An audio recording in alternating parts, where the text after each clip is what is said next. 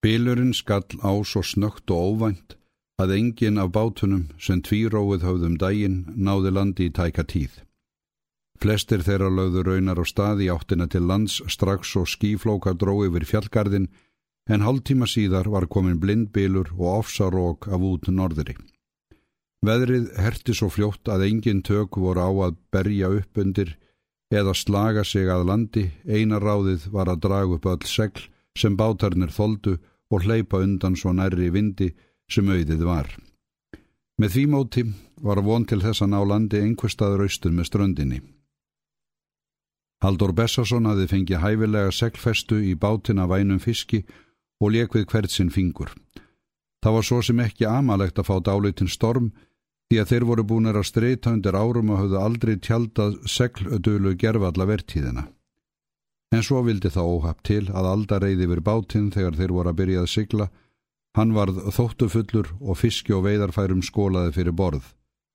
Þó var ekkert að óttast því að enn var besta sjóveður, en þetta var því háðulegra og Haldorf varð æfur út í sjálfan sig. Þóttufilla bátinn í öðru eins veðri, slikt og þvílikt hafði aldrei komið fyrir hann áður. Kanski var honum sæmst að hætta formensku. En eftir þetta gætti hann sín betur og varði bátinn lengi vel öllum áföllum. Þeir höfðu öll segl uppi nema brandseglið og aðeins stafnhyrnan var rifuð, en Haldur þorði ekki að bjóða bátnum meira. Þeir minkuðu seglin æmeir eftir því sem veðrið herti og sjór versnaði. Þeim reyndi sífælt erfiðara að geta sér til um stefnuna, en Haldur hafði sett vindstöðuna vandlega á sig og hún var ekki norrlægar en svo að hann gerði sér vonum að þeim félögum auðnaðistan á landi í næstu sveit austan við vóginn. Þar voru sandfjörur og gott að lenda. Klukkustund eftir klukkustund syldu þeir í myrkri og bil víðáttu mikinn olgandi sjó.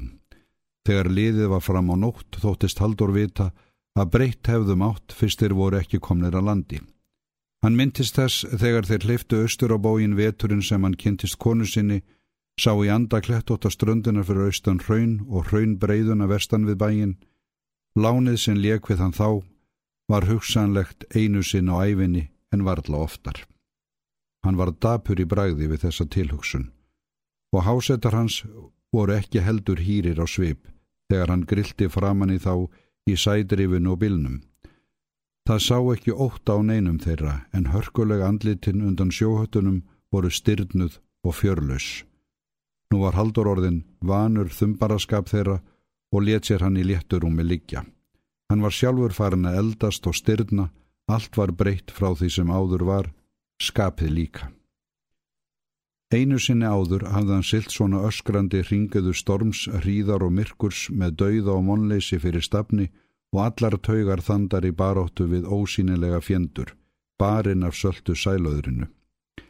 En þá hafði hann enn verið ungur að árum, þá var hann knúin vilja og lífstrá og sannfærður um að allt myndi gangað óskum. Nú var þetta breytt. Begður var hann, þó raunar ekki. Hann greip ósjálfrátt í klakað vangarskeggið en hann hafði ekki sömu trú á sjálfum sér, lífinu og tilverinu og áður var. Það hefði syrt að í huga hans og færst yfir hann þungur ó. Hann satt þarna við stýrið með hugan bundin, við fyrirburði og annur hindurvitni og brást allt öðruvísi við þeim en áður. Vikingslund hans var þorrin og skapið kulnað. Sveitungarnir hafðu mótað hann á ýmsan hátt, hann var búin að vera svo lengi í hópi þeirra að hann var farin að draga dáma þeim. Jón í Díavík satt við stórseglið eins og venjulega, sjóhatturinn og snædri við skeggið huldi andlit hans svo að Haldur sá ekkert af því nema augun sem vittniðum hægláta ró. Það hlaut að vera orðið álíði nætur þegar þeir heyrðu loks brimhljóðið. Veðurofsinn var alltaf samur en Haldóri auðnaðist að verja bátin áföllum svo að hásetarnir hafðu vel undan að auðsa. Hitt var lakara að bátin klakaði allan og var þann ærið þungur í vöfum. Enn var dimmt af nótt svo að varðla sást út raugunum, svarta bílur og hörku frost. Haldur var orðin styrður í öllum limum en nú rétti hann úr bækinu og tegði úr sér. Hann mætti augnar á því Jóns í díavögg en þar var sama róin. Við verðum vist að halda áfram austur með þanga til byrtir, kallaði Haldur til hans. Það lítur að vera að komi fram undir morgun. Jón Jónsson kinkaði kolli. Hann var á sama máli. Nú heyrðu þeir brimhljóðið greinilega gegnum veðurgníin. Haldur vek bátnum talsvert undan vindi, ætlaði að sigla utar til að forðast sker og klappir. Þeir urða að býða lendingar þanga til byrti og eitthvað sæjist út úr augunum. Brátt heyrði hann þungan din brimsins og nú einnig fyrir stafni. Það virtist allt í einu eins og landværi á alla vegu. Brimhljóðið heyrðist úr öllum áttum. Heitur ströymur fór um hann, þeir hlutu að hafa lendin í einhverja vík.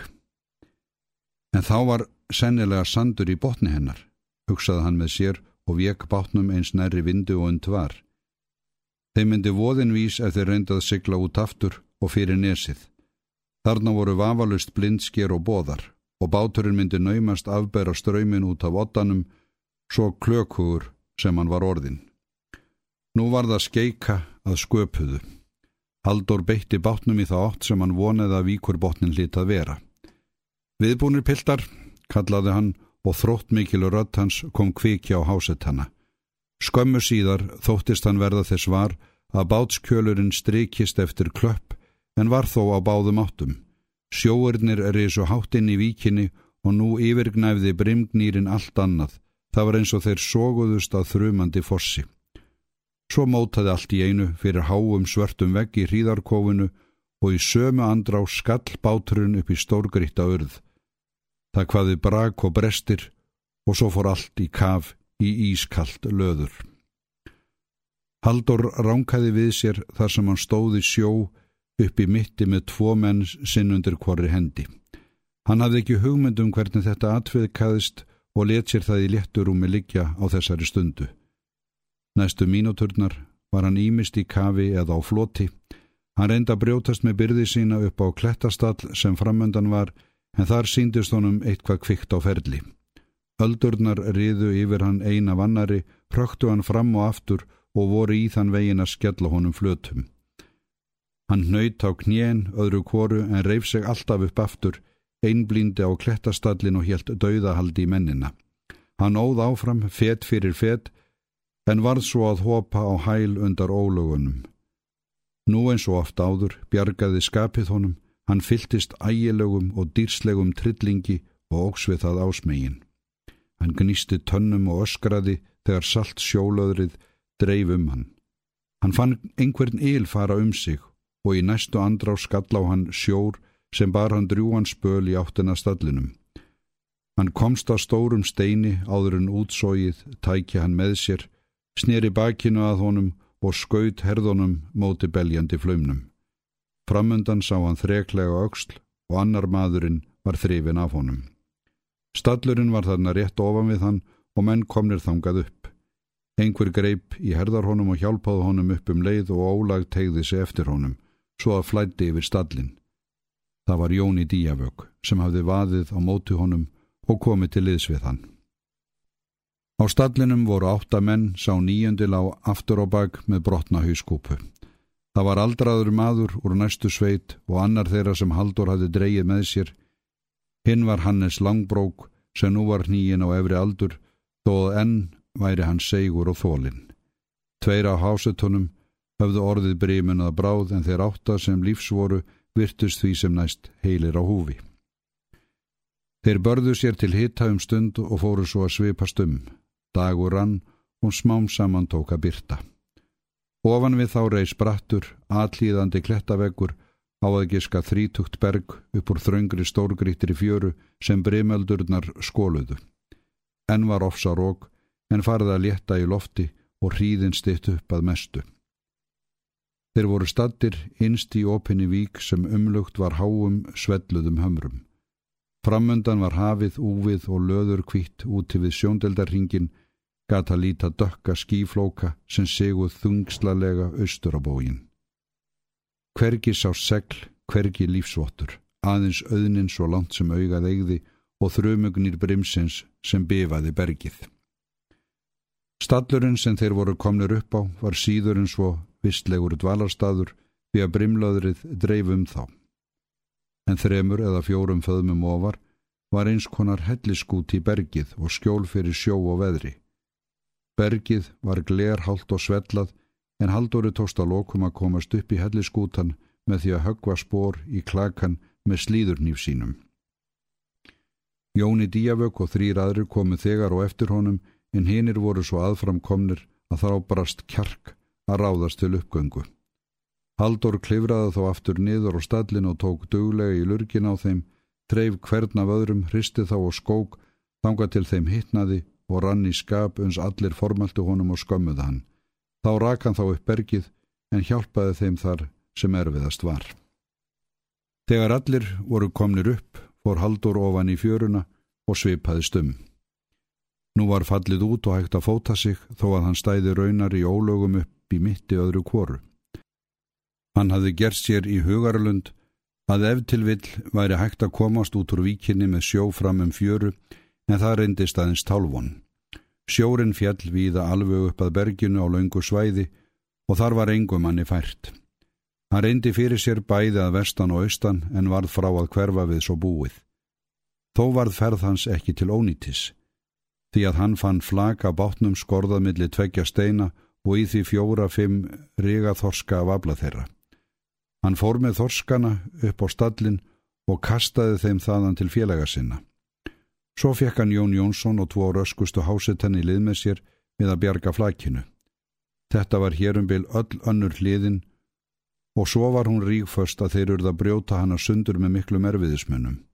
Þeir báru hvert borðum sig upp á stallin til að vera vissurum að þeim skólaði ekki burtu. Loks voru þeir búin að brjóta sundur flakið en þá var þrautinn þingra að koma öllu þessu dýrmæta timbur upp í helliskútan áður en fjalli að. Engin tök voru að klifra upp með það því að svell bólstrarnir voru ílfærir lausumannu og liðugum. Þetta leistist þannig að Bjarni í lóni sem hafði skroppi niður í fjöru fann bút af annari siglunni og við hann hjekk eitt hvað af böndum. Þeir nýttu þetta saman og dró uppi timbrið á samt líki hásettans sem rótast hafði. Það var liðið fast að hátægi þegar þeir höfðu lokið þessu og sapnast saman í hellinum. Hellirinn var rúmgóður og dágott skjól fyrir veðrunu, tótt opin væri og grunnur. Brimlöðrið náðið þangað að minnsta kosti ekki og það var mestum verðt. Haldur hafða vanda nokkrar eldspítur í buksnavasa sínum og brókin var vasseld svo að eitthvað af þeim reyndist nótæft. Hann tálkaði nokkra spæni úr einu borðinu og reisti þá upp í miðjum hellinum. Brátt hafði þeim tekist að kveikja svo lítið bál sem þeir vöktu yfir af alúð og árvekni og heldu við meðan einhverju var að brenna.